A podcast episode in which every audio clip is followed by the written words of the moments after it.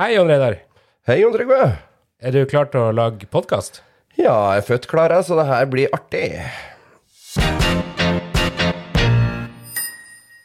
Ja, da er det egentlig bare opp til oss å ønske den som lytter, velkommen til Homolobbyen. Eh, Vi er dine homovenner på øret, og vi er i lag med deg om lag annenhver uke. Det blir stas. Og eh, Jon Reidar, vi bør kanskje si noe om oss sjøl, siden dette er den eh, første episoden vår. Ja, da tenker jeg jo at det er de yngre som kan slippe det først. Ja, vi, vi har jo et enormt aldersgap mellom oss. Vi er begge to uh, homoer i 40-årene. Selv er jeg 40 blank. Og Gratulerer. Bor, takk for det. Jeg bor i uh, Oslo sentrum, det er jo du òg. Vi bor 500 meter fra hverandre her på Tøyen. Ja. 300 i luftlinje på Grinder. 300 i luftlinje på Grindr, jaså? Ja, det er ikke lenger. Nei, og vi har kjent hverandre i snart 20 år. Tenk det. Eh, I homoverden så er jo det eh, Du må jo legge på en god del år i tillegg. Så vi har jo egentlig nesten kjent hverandre hele livet, tror jeg. Ja, jeg møtte noen kinesere som var veldig gode venner, og de sa at eh, vårt vennskap er som plastblomster. Det er kanskje falskt, men de visner aldri. Det var veldig pent, pent sagt. Ja, mens, mens du er 40, da, så har jo jeg nå Hvis jeg overlever påska, så blir jeg jo faktisk 42 år. Det gjør oss begge til middelaldrende menn. Ja, det er litt hardt å tenke på. Eh, Jeg husker på når jeg flytta til Oslo og var 19 år og stilte opp på den der nye Radiator sine plakater, og det var en chatteside for homofile i regi av Helseutvalget. Så var det bilde av meg med sitatet 'Gamle griser over 35, hold dere unna'. Au. Ja, det er ikke alle som blir gamle griser, Jon Reidar. Noen blir villsvin. Det, Og noen er kanskje født en gamlegris. ja, det er kanskje også sant. Um, vi har jo dialekt begge to. Uh, jeg kommer ifra uh, Vesterålen, Andøya. Hva er det? Det er ei uh, lita øy lengst nord i Nordland, eh, med et tettsted som heter Andenes, med 3000 innbyggere. Og så har jeg vokst opp litt rundt omkring i den regionen, men jeg kommer eh, mest av alt, vil jeg si, ifra sjølve Andes, som vi sier. Ja, jeg er jo litt lenger er litt mer søring, da. Oppvokst på en gård i Snillfjord i Trøndelag. eh, Bondesønn. Og på stedet som Gud og Telenor glemte. Bitte lita bygd med 20 fastboende. Vi har jo tenkt at vi skal lage denne podkasten. Først og fremst så gjør vi det jo egentlig for oss sjøl. Dette kan du si er et slags selvutviklingsprosjekt for oss, hvor vi endelig skal få lov å snakke om ting vi eh, er opptatt av, på en måte som også andre kan finne på å høre på. Ja, det er jo litt sånn at uh, når du bikker 40, så er det jo på tide å skaffe seg en hobby. Uh, så det her blir på en måte litt uh, vår hobby, da. Ja, og I tillegg så er det et eller annet når du er liksom hvit middelaldrende mann, at du begynner å få såpass selvtillit at du tenker at det her, det her er sikkert interessant for noen flere. Ja, og er det jo noen ting vi alle sammen elsker, så er det jo å kunne snakke om oss sjøl eh, og ting i livene våre som andre folk kanskje bare kan sitte og kose seg og lytte til. Så vi har tatt over nå litt den der hvite heterofile menn sin sjøltillit. Jeg er enig i det. Vi eh, har valgt å kalle denne podkasten vår for Homolobbyen. Og det er et begrep som eh, vi har eh, kjent eh, lenge. Vi ble jo gode venner da vi jobba sammen i det som da heter LLH. Det i dag heter organisasjonen FRI, men det var jo da Landsforeninga for lesbisk homofil frigjøring, altså den skeive organisasjonen i Norge på tidlig midten av 2000-tallet. Ja, og da var det jo sånn at vi drev og jobba med ganske mange politiske saker, som å få igjennom en felles ekteskapslov, adopsjon, assistert befruktning og sånn. Og det var Klarte jo det, klarte det, Klarte klarte det. det. 2008, hurra, hurra. Eh, Men i den tida så var jo de kristenkonservative kreftene, og ganske mange andre òg, livredd for oss, fordi de tenkte at den her mektige homolobbyen skal nå endre hele strukturen i samfunnet vårt, og nå så skal det gå lukt åt helvete. Så da begynte de å omtale både for så vidt organisasjonen, og sånn fremtredende homoer og lesbiske som homolobbyen, den mektige homolobbyen. Men eh, vi er jo eh, Vi var homolobbyen da, og vi har lyst til å være homolobbyen nå òg, men eh, denne gangen eh, har ikke vi tenkt å, å spørre pent om noe som helst. Nei, og det er ikke sikkert det blir politisk korrekt hele veien heller, for vi har ingen andre enn oss sjøl å stå til ansvar for. Nei, altså, vi skal prøve å ikke miste jobben. Vi er jo i arbeid begge to, men det er vel det som er, er, er det eneste grensa. Ja, prøv å unngå å bli cancelled. Ja, og så må jeg unngå å bli skilt da, for jeg er jo gift. Ja, faen, du eh, driver med sånt, og du har sånne heftelser i livet ditt. Ja, så jeg må være litt forsiktig med det òg. Det som er planen vår, er å lage en episode annenhver uke. Men der har vi lyst til å snakke om ting som vi er opptatt av, enten i uka som har gått, eller eh, tema som vi bryr oss om. Og denne uka så uh, fikk jeg en e-post på jobben som gjør at jeg tenkte dette må vi snakke om. Uh, og det var rett og slett uh, den årlige mailen som kommer i mars, at nå er det på tide å søke ferie. og det er jo like krevende hver gang, for jeg vet jo ikke i mars når jeg har lyst til å ha fri. Nei, jeg vet jo heller ikke når det billigste flybillettene. Eh, litt sånn i randsonen av fellesferien. Eh, fordi vi liker jo ikke å bruke for mye penger på feriene våre heller, men det er jo greit å kunne reise på et tidspunkt hvor eh, det ikke er altfor mye barnefamilier på samme sted, f.eks. Ja, Det er jo lykka i livet vårt, er jo at vi som homoer eh, uten barn Det finnes jo nå homoer med barn òg, det må man jo huske på. Men vi som homoer uten barn, vi kan jo faktisk eh, reise eh, nesten akkurat når det passer oss. Og det merker jo jeg at som eh, Det gjør meg til en veldig god ansatt, for det gjør at jeg kan ta denne sjauen når uh, småbarnsforeldrene er nødt til å ha fri. Ja, det er sånn uh, Veldig fint å kunne liksom uh, si at nei, da jeg kan ta tre uker på jobb i fellesferien. Nei, det går fint, jeg ofrer meg. Og så kan jeg heller ta en ferie i februar når det koster litt mindre å reise. Ja. Hvordan hadde du i Australia? Du, Australia, det var helt magisk. Altså, herregud, for et sted. Eh, og det var, jo, det var jo liksom homoferien over alle homoferier. Det var liksom sånn eh, kongeferien fordi det var World Pride. Denne gangen her så var det da i Sydney i Australia, samtidig som det òg var Mardi Gras. Så det var jo helt sinnssykt. Altså den følelsen av uansett hva slags restaurant du var på, eller buss eller T-bane eller pub, så var følelsen av at vi homoene var i flertall, og heteroene var i mindretall. Vet du hvor mange folk det er samla? Nei, det er liksom vanskelig å anslå, men uh, de tippa vel at det var et sted mellom 500 000 og 1 million tilreisende. da, Og Sydney by har jo ca. 5 millioner innbyggere. Å, oh, herregud. Hvor lenge var du i, uh, i omløp? Du, Jeg var der i 18 dager. Uh, nå skal det sies at man skal tenke seg nøye om før en reiser så langt, for den flyturen tur-retur det tar jo jævlig lang tid, rett og slett. Men når jeg var først var kommet ned dit og skjønte at det ikke var hai og slanger overalt, eh, så klarte jeg å eh, roe ned nervene og tok en flytur opp til Sunshine Coast Airport, eh, en time oppafor Brisbane. Og derifra så tok jeg da en lukket vogn direkte til Hideaway Nosa Gay Resort. Den resorten lå jo da litt sånn ut i ingenmangssted. Eh, for unge øyene så ble det jo en litt sånn eh, sjokk når jeg kom dit og oppdaga at det var verken bar eller alkoholsalg eller salg av mat der. Du måtte ordne deg sjøl? Ja, det hadde kjøleskap og en mikro eh, på, på, rommet. Men sjølve resorten var jo veldig idyllisk og fin. Elleve rom. Og det som er kult da, med eh, å dra på en, en sånn resort, det er jo at det er også veldig mange andre mennesker som er der aleine. Eh, det var liksom uføretrygda Steve på 60 med trippel bypass-operasjon, og det var Trevor som jobba på sykehuset i Brisbane som uh, tok seg en tre dager på resorten. Så det ble jo en veldig fin uh, sånn Vi satt på langbord og drakk pils og bestilte mat og ble fulle og fortalte om livene våre, liksom. Men det er, det er, jo liksom Det er som et hotell, men det er ingen barn? Nei, det er no women and children allowed. Altså, ingen barn ingen kvinnfolk, eh, strengt tatt ingen hetero. Så dere var altså da elleve rom med homoer i, og der var du hvor lenge? Der var jeg i fem dager. Og Gud, så, så, så, var det jo også sånn Det er jo eh, jeg er jo eh, født veldig skamløs, eh, så var, jeg, liker jo da å sole meg naken, f.eks. Det er veldig deilig med sånne resorter som har sånn clothing optional, så du kan velge om du vil sole deg med merkantiltøy på, eller eh, om du vil være født, som du ble født. Ja, Så du har rett og slett unngått bikiniskille på denne turen? Her er det ingen skille. Og så dro dere videre til selve priden. I Sydney. Sjølveste Sydney. Eh, og der skulle vi jo feire en god kompis av oss begge to sin 50-årsdag, Espen. Ja, en eldre mann. Ja, eh, og det sa han for tre år siden. Så sa han eh, jeg skal feire bursdagen min 24.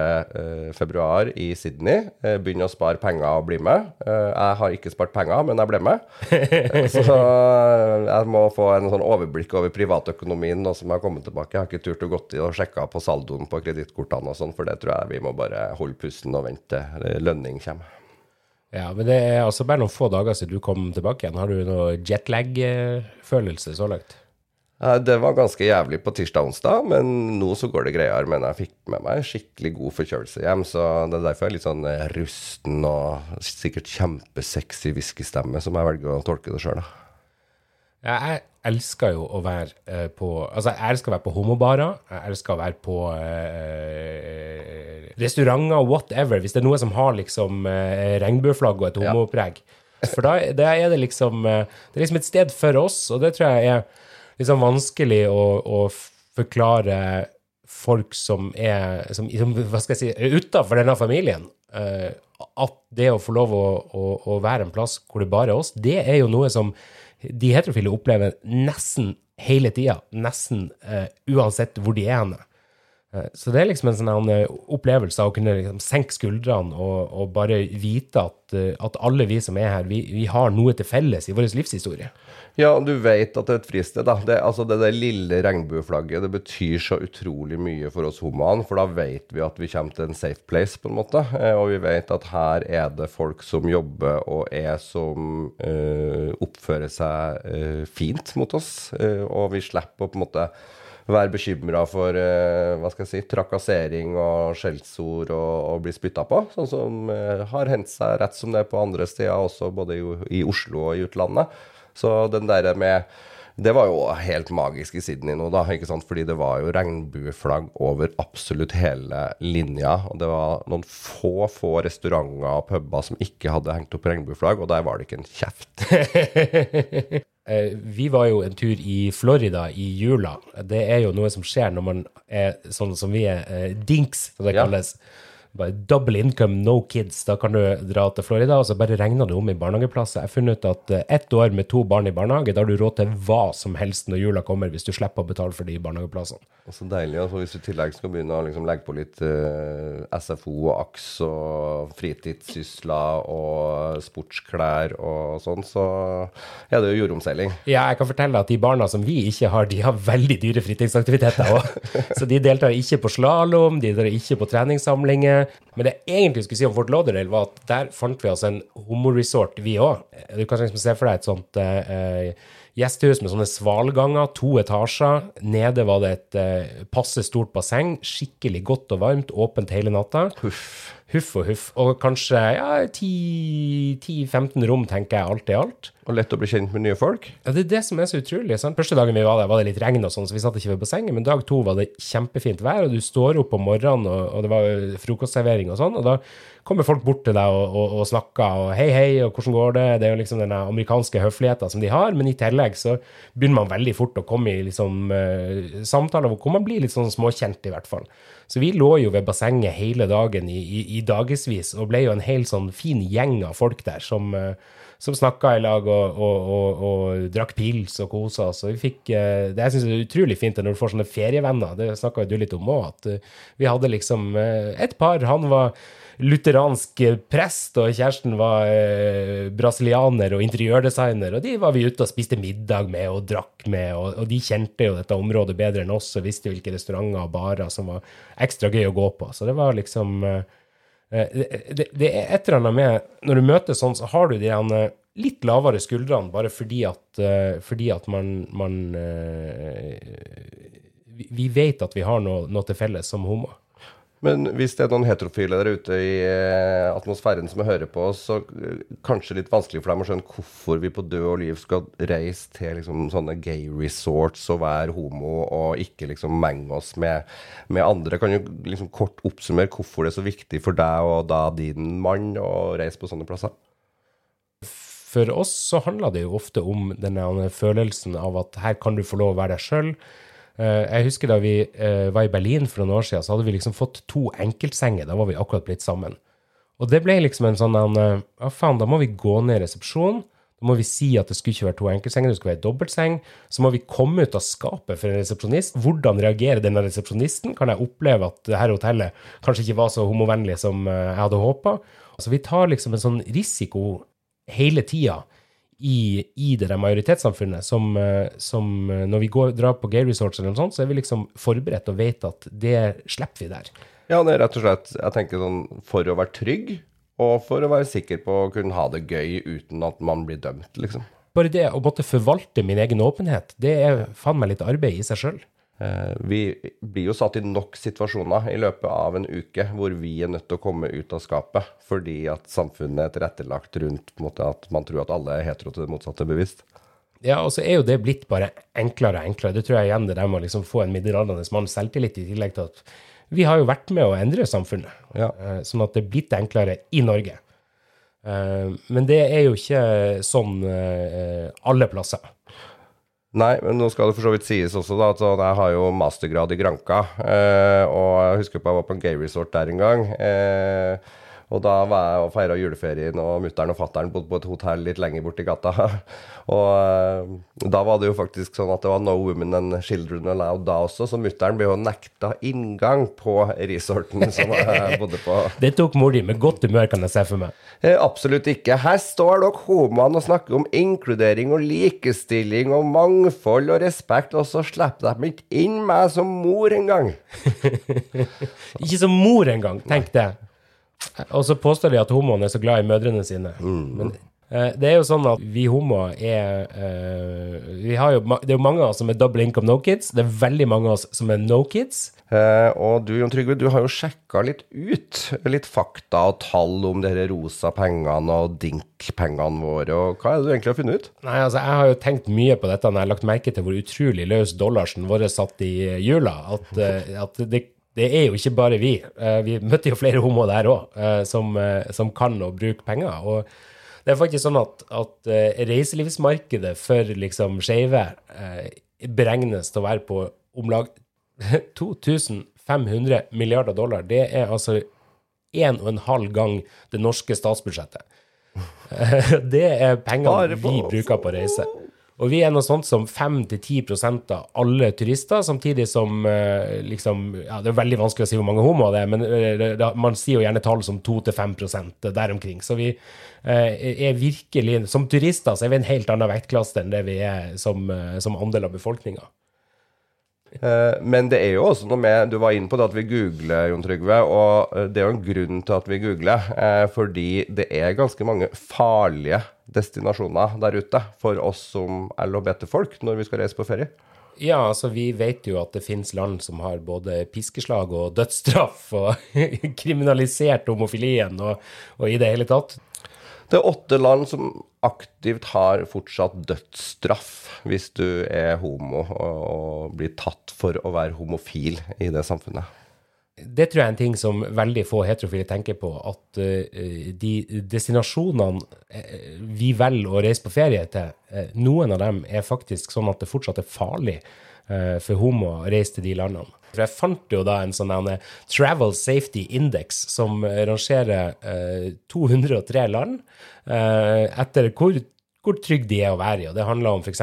finnes det lovbeskyttelse mot diskriminering og vold, hva slags rettigheter har homo i dette landet, eh, er det morallover, er er det straffbart, osv., osv. Og der er det jo sånn at, eh, at eh, helt i bånn, liksom det absolutt verste landet å dra til, det er Brunei. Og der kan vi utsettes for dødsstraff ved steining. Det, og det er for å si det sånn, jeg tar ikke, jeg tar ikke eh, ferie Men nå er ikke Brunei liksom det vanligste ferielandet. Og nummer to, altså nest verst, er Saudi-Arabia. Det er ikke så mange som reiser dit heller. Nei, det skal for så vidt sies. Når jeg var i, i Sydney nå, så ble jeg jo sittende og prate med to homser fra Saudi-Arabia. Eh, som da eh, dro til Sydney, for der kunne de være åpne og være seg sjøl og leve ut seksualiteten sin. Men så to dager etterpå så skulle de hjem og i skapet igjen. De måtte være forsiktige. Ja, de måtte vel unngå sikkert å havne på sosiale medier og alle ting når de var der nede. Eh, råfarlig. Og det er jo sånn at de arabiske landene er jo liksom tett som hagl i bånd eh, på, på, de landene som er farlige for oss å reise til. Og en eh, vestlig feriefavoritt eh, ligger kjempelangt ned på denne lista. Altså et av de aller farligste landene å reise til. Uh, og det er De forente arabiske emirater. Det kan være vanskelig å, å huske hva, hva, det er for noe, men, men det er da f.eks. Dubai, et av dem, som jo er en destinasjon som reklameres masse for i Norge eh, ja, mot norske turister. Og det er jo der alle de influenserne med blogger og greier drar ned på betalte ferieturer for å liksom hype og reklamere for Dubai. Ja, mens hvis vi skulle dratt ned dit, så hadde det vel vært for å bli slått i hjel. For også der er det dødsstraff eh, å, å, å, bli bydd på. Hva, hva, tenker du om disse influenserne som, uh, som syns at det er en fin måte å tjene penger på? Nei, jeg tenker jo for så vidt at Altså, jeg skal ikke mene så veldig mye om moralen til folk, fordi det er ikke alltid at min moral heller er så jævlig liksom fintuna. Eh, men, men, jeg tenker jo at man bør tenke seg om både tre og fire ganger før man velger å dra et sted og reklamere aktivt og liksom hva skal jeg si, skjønnmale eh, noen regimer eh, hvor de er så grelle at de opererer med dødsstraff overfor homofile, f.eks., så syns jeg jo at de kan ha eh, tenkt seg litt ekstra om og kanskje latt være det, og heller funnet seg en litt annen destinasjon å reklamere for, da. Ja, og denne LHBT, eller hva heter LGBTQ, uh, eh, Travel Safety Index, vi skal ta og lenke til den i eh, show, uh, hva heter det, show notes, ikke det heter på engelsk, sånn at det går an å, å, å, se den. Men det som er verdt å ha med seg der, er at de gir absolutt alle land en karakter. De bruker det amerikanske karaktersystemet, så F, dårligste karakteren, er det flere eh, reelle turistdestinasjoner som har fått, f.eks. Malaysia. Og så hadde vi jo fotball-VM nettopp. Ja, Qatar er selvfølgelig et land som, uh, hvor vi kan få tre års fengsel eller piskeslag eller ja. dødsstraff. Egypt er et land som uh, bot og tre års fengsel. Det høres jo, uh, høres jo, snilt ut når vi akkurat har dødsstraff og piskeslag, men Eh, Tunisia, som skal være en av de liksom, hyggeligste landene eh, på, på, eh, på den sida av Middelhavet, der er det også tre år i fengsel for oss. Men jeg liker jo best den differansen Malaysia har, da, hvor de har liksom 14 års fengsel for mannfolkene, mens de har fem år for damene. Men der skal du få litt ekstra slag og vold. Ja, jeg tror du kan få, du kan få vold også på, på herresida, men det er, jo, det er, jo, litt sånn klassisk. Vi hadde jo aldri forbud mot lesbiske i Norge. og Det er jo fordi at man mente at noe sånt som kvinnelig seksualitet, det fantes ikke. Eh, men i, i Malaysia så mener de åpenbart at jo, det finnes en kvinnelig seksualitet. Den er ca. en tredjedel av den mannlige. Men jeg så under Qatar at de opererte med et begrep som het flogging. Flogging det er altså da piskeslag som eh, skal, skal gjøre skikkelig skade på deg. da.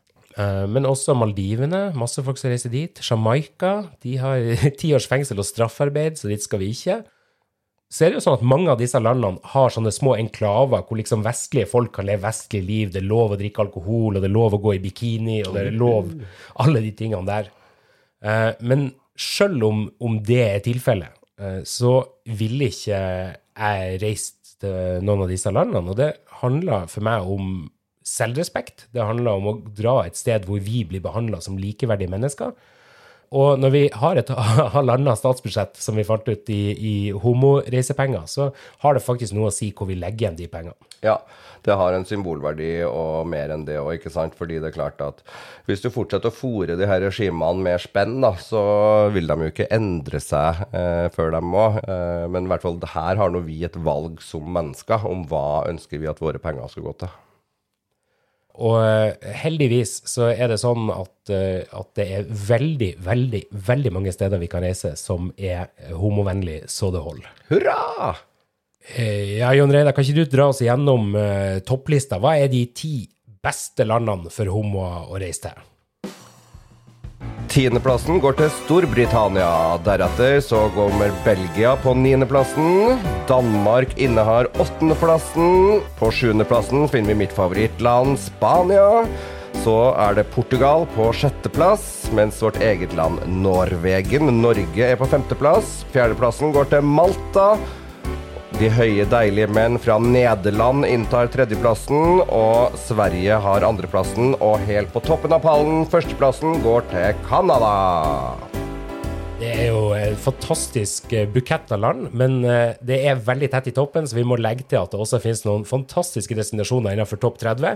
F.eks. Frankrike, Island, Sør-Afrika, Tyskland, Argentina, Uruguay, Australia, New Zealand, USA Til og med Kroatia er på den lista. Og hele lista har vi selvfølgelig lenka til i notatene eh, til denne episoden. Jeg syns jo at den lista er liksom fin, men Jon Trygve, eh, jeg bare lurer på Fins det en liste over eh, gjennomsnittlig penisstørrelse? Eh, Jon Reidar, det, det, det vet du at det gjør. Eh, men jeg har ikke tenkt å legge eh, den lista oppå den andre lista. Det må du nesten eh, ta deg av sjøl. Ja, så, men det skal ikke så veldig mye avanserte Google-søk til for at du finner det. Og en del av de destinasjonene vi har snakka om, dem, dem, du vil kjenne dem igjen også på den andre lista. Ja, og en del av de aller skumleste destinasjonene kommer også ganske godt ut Ja, på den så- andre lista. Så better safe than sorry, vær forsiktig. Men noen tips når man drar på homotur, er det selvfølgelig å google. Eh, og så I gamle dager så hadde vi eh, et, eh, ei, ei papirbok som lå spredd overalt, som heter Spartakusguiden. Husker.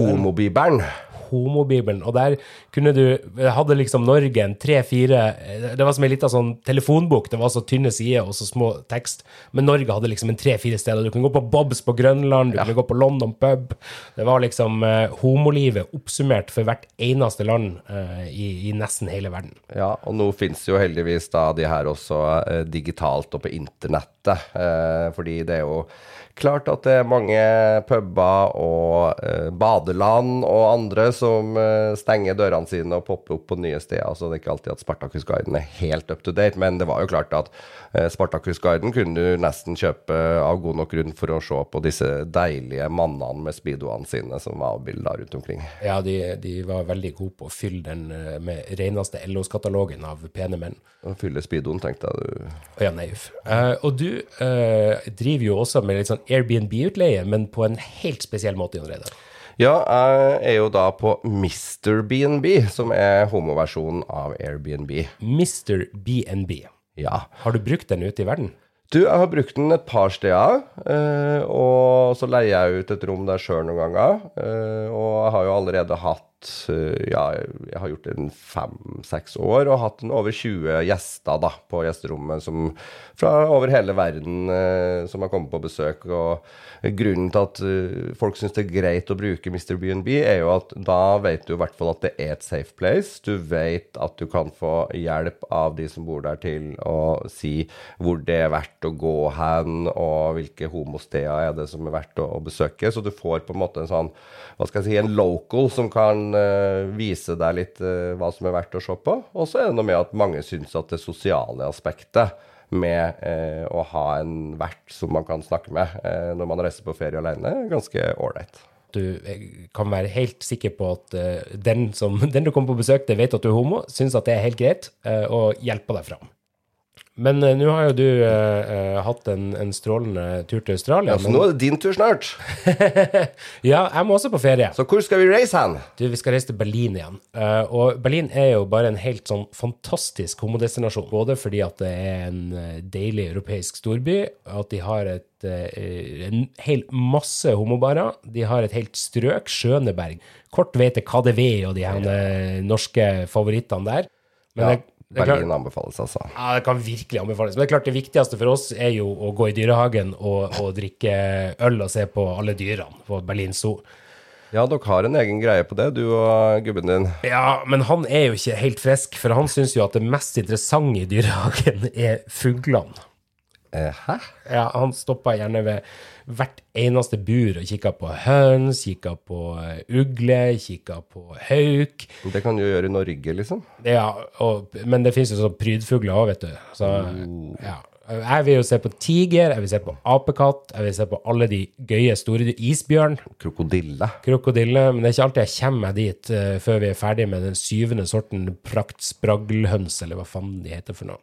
Så Berlin Zoo er å anbefale. Berlin Zoo er absolutt å anbefale. Jeg anbefaler alle dyrehager hvor det også er lov å drikke øl, for det gjør opplevelsen mye mer interessant. Jeg har sittet en hel dag og sett på sjøløve i en dyrepark i eh, Barcelona, og de ble bare morsommere og morsommere og morsommere for hver sånn lille kopp med dyremønster med pils som ble fortært.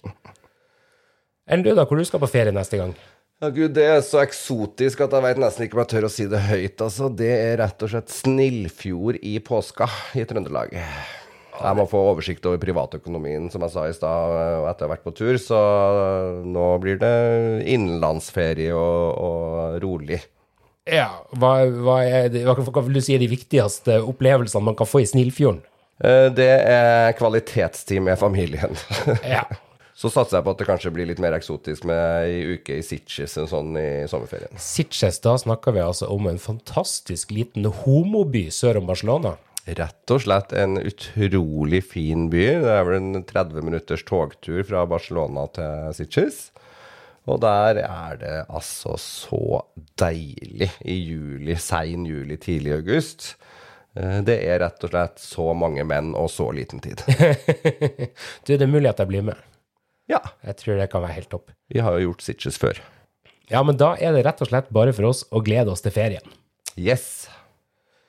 Eh, Vi har også ei fast spalte som vi tenkte å ha med oss inn i hver episode, eh, og det handler om ting som skjer i, i samfunnet rundt oss, og der har vi også en jingle, Jon Reidar.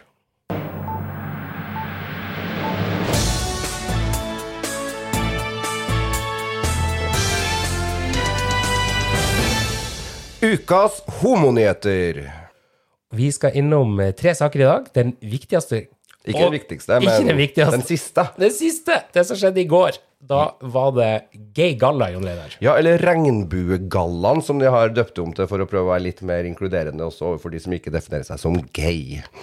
Så jeg så i feeden min på Facebook og Instagram at der var det fryktelig eh, mange folk i går, og veldig mange kjendiser og mye selfies, eh, og det var eh, Tonje Brenna, Erna Solberg, Siv Jensen og co. som eh, var der og delte ut priser. Årets skeive forbilde som ble kåra, det er, ble Kristine Marie Jentoft. Det syns jeg var en utrolig eh, verdig pris. Det er eh, en eh, kvinne som har stått i stormen i transdebatten eh, siste eh, flere årene. Ja, og fått utrolig mye dritt. Det er bra at vi får fram eh, transforbilder og skeive forbilder som hun. I tillegg så tenker jeg at en av de fineste kåringene var årets idrettsprofil, som ble Lise Klaveness. Det kunne jo nesten ikke ha blitt noen andre etter hennes oppgjør med Fifa-ledelsen i Qatar, og hvor tydelig hun har stått på riktig side. Altså, hvis du snakker om en kvinne som har sitt moralske kompass i orden, så er det i hvert fall Lise Klaveness. Er innmari kult at vi har ei eh, sånn tøff lesbisk dame som leder hele Fotball-Norge. Ja, og så tenker jeg at uh, årets alliert uh, syns jeg var også ganske fint, og det var det da uh, Ingunn Vik, som er uh, leder for Helsestasjonen for kjønn og seksualitet, eh, som fikk den. Eh, og det er jo rett og slett at eh, behandlingstilbudet og helsetilbudet til transpersoner i Norge er altfor dårlig. Det er rett og slett ganske ræva. Eh, og Espen Ester Pirelli, som ble fratatt legelisensen sin nå for eh, en måneds tid siden, eh, han fikk årets hyllestpris. Så jeg vil si at det var mye fokus på trans- og kjønnsinkongruens på den regnbuegallaen i går. Og det fortjener de, fordi transpersoner ligger vel sånn 30-40 år bak oss homoene i tid, når det kommer til å liksom bli akseptert av storsamfunnet og sånn. Så jeg syns det var veldig bra. Eh, Og de som mottok prisen for årets begivenhet, eh, folketoget etter 25.6 og terrorangrepet, de valgte å ikke møte opp og ta imot prisen sin, fordi de mente for det første at det var et ekskluderende arrangement, og at det var for dyrt, eh, og diverse, diverse. Så siste ord om Regnbuegallaen er nok ikke sagt. En annen sak som dukka opp på nettet i uka som var, var eh, saker om at ei polsk-norsk kjærlighetshistorie blir hetsa på nett. Og det er en eh, ny eh, film med et eh, hva skal jeg si, homofilt tema som heter Norwegian Dream. og Det handler da om den polske arbeideren på lakseslakteriet som eh, blir kjæreste med sønnen til fabrikkeieren. Den har vært delt på, eh, i grupper som omfatter polakker i Norge. Eh, og der sier uh, regissør Leif Igor Devold, som sjøl er halvt polsk og halvt norsk, at det, det har vært mange ganske grove kommentarer, mye homofiendtlig, kommentarer på både meg og filmen. Ja, det var jo rett og slett fritt vilt inn på noen av de Facebook-kommentarfeltene der. Ja, det er jo det. Og vi vet jo at i, i deler av det polske miljøet så er det fortsatt ganske antikvariske holdninger når det gjelder homoer. Ja, det er ikke akkurat sånn at de står først i køene for å ta homokampen. Og det ser vi jo for så vidt med eh, hvis du drar til Polen som land. Eh, så er det klart at eh, det er ikke veldig lenge siden de opererte med soner. og Ja, eller det er faktisk Polen er et av de europeiske landene som har gått i feil retning, som strengt tatt hadde vært bedre å reise dit for 20 år siden enn det det er i dag. Og det er jo fryktelig leit, men da tenker jeg at denne typen film kan være ganske fint, for det gir et bilde med, med noen som de er nødt til å kjenne igjen, når det er en polsk gutt som, eh, som eh, er homo i den filmen. Jeg oppfordrer alle sammen til å gå inn og se traileren på filmen. Eh, Den er utrolig fin, og jeg tror det kommer til å være veldig sterkt å se den. Og når er det premiere, Tollefsen? Du, Premieren er 17. mars, og vi lenker til den traileren også i teksten som følger, følger denne podkasten. Siste nyhetssaken vi skal innom eh, før vi går inn for landing i dag, det er at eh, i forrige uke da ble oppretta en støttegruppe etter terrorangrepet i Oslo 25.6 under pride i fjor. Eh, det var jo et eh, bestialsk terrorangrep som skjedde litt over klokka ett på natta til 25.6, eh, som skulle være den store avslutninga av paradedagen. Eh, Veldig mange ble berørt og eh, direkte skada. Eh, det var vel over 20 som ble skadd, og to som ble drept. Eh, og nå har de da møttes og organisert seg gjennom da en egen støttegruppe eh, for dette her terrorangrepet. Og jeg må jo si at eh, i den saken som jeg leste på blikk.no, med Ingrid Rasten, som var en av de som var med å overmanna, overkvinna gjerningsmannen. Eh, Det er ganske sterkt når hun da uh, snakker åpent ut om hvordan hun brakk tommelen på gjerningsmannen for å få frigjort pistolen når de la den i bakken. Rett og slett eh, Sånne hverdagshelter er det utrolig fint å lese om. Det var en, en, forferdelig, en forferdelig natt, og det var uh, veldig mange som stilte opp og gjorde en, en helt utrolig fantastisk innsats for å berge liv og, og hjelpe andre. Og det er bare utrolig takknemlig for det. Og så tenker jeg også at det er utrolig fint at man har fått på plass denne eh, støttegruppa. For det ser vi jo f.eks. fra eh, terroren på Utøya, at de støttegruppene har vært veldig viktige for å få fram både konsekvensen for ofrene og, og, og, gi folk en stemme i offentligheten. Jeg syns jo at eh, denne terrorhandlinga som vi opplevde i Oslo i fjor, kanskje har vært eh, mindre synlig enn det jeg skulle ønske meg. Og det håper jeg at den støttegruppa kan bidra til å, å, å synliggjøre de som ble ramma eh, den natta. Jeg tror det er såpass mye å si både om politiets håndtering og diverse, og om det terrorangrepet, og hvordan media også har eh, valgt å fokusere på at det var en masseskyting, og det er ikke så ofte de skriver terrorangrep og sånn, så det fordrer vel kanskje at vi må snakke om det en annen gang òg. Ja, jeg tror vi skal snakke mer om terrorangrepet ved senere anledning. Men, eh, men det er oppløftende avslutninga. Det oppløftende er i hvert fall at støttegruppa er på plass, at flotte, flinke, engasjerte folk går inn der og tar ansvar og vil være med å fortelle sin historie og være med å jobbe for sine interesser. Det er innmari bra. Og hvis det er noen der ute som trenger noen å snakke med om de tingene som ikke har fått god nok hjelp, så ta kontakt med Oslo kommune sin krisetelefon. Ja, og med det eh, tenker jeg det er på tide å gå inn for landing. Eh, da må vi jo eh, først og fremst si takk til deg som har hørt på. Og så eh, må vi jo gi oss sjøl en liten sånn, liten sånn karakter. Jeg tror Jon Reidar, at vi Vi må øve Eller vi må Jeg tror Jon Reidar, at vi har mange episoder i oss eh, før vi slapper ordentlig av, tror du ikke det? Ja. Vi er litt eh, anstrengt, men eh, det handler jo bare om å lage mer. Ja, og vi, det er jo vi som skal ha det gøy, Ja. så jeg tror vi skal bare liksom øve oss videre. Og så håper jeg at eh, det var noen som lytta på som syntes det var litt kjekt å høre på. Ja, og så eh, er det altså sånn at vi er dine homovenner som skravler på øret ditt om lag hver 14. dag, og du kan hjelpe oss ved å tipse venner om denne podkasten, og det er bare å søke opp Homolobbyen i podkastspilleren eller på Spotify. Og så er det klart at eh, dere må gjerne sende oss spørsmål, eller komme med kommentarer, eller tips til både nyhetssaker og til dilemmaer. Og det kan dere eh, gå inn på homolobbyen.no og finne kontaktinformasjon. Ja, og på homolobbyen.no så ligger også lenke til alle de podkastspillerne som du vanligvis bruker. Da sier vi takk for denne gang, og vi høres om 14 dager. Sayonara, bitches.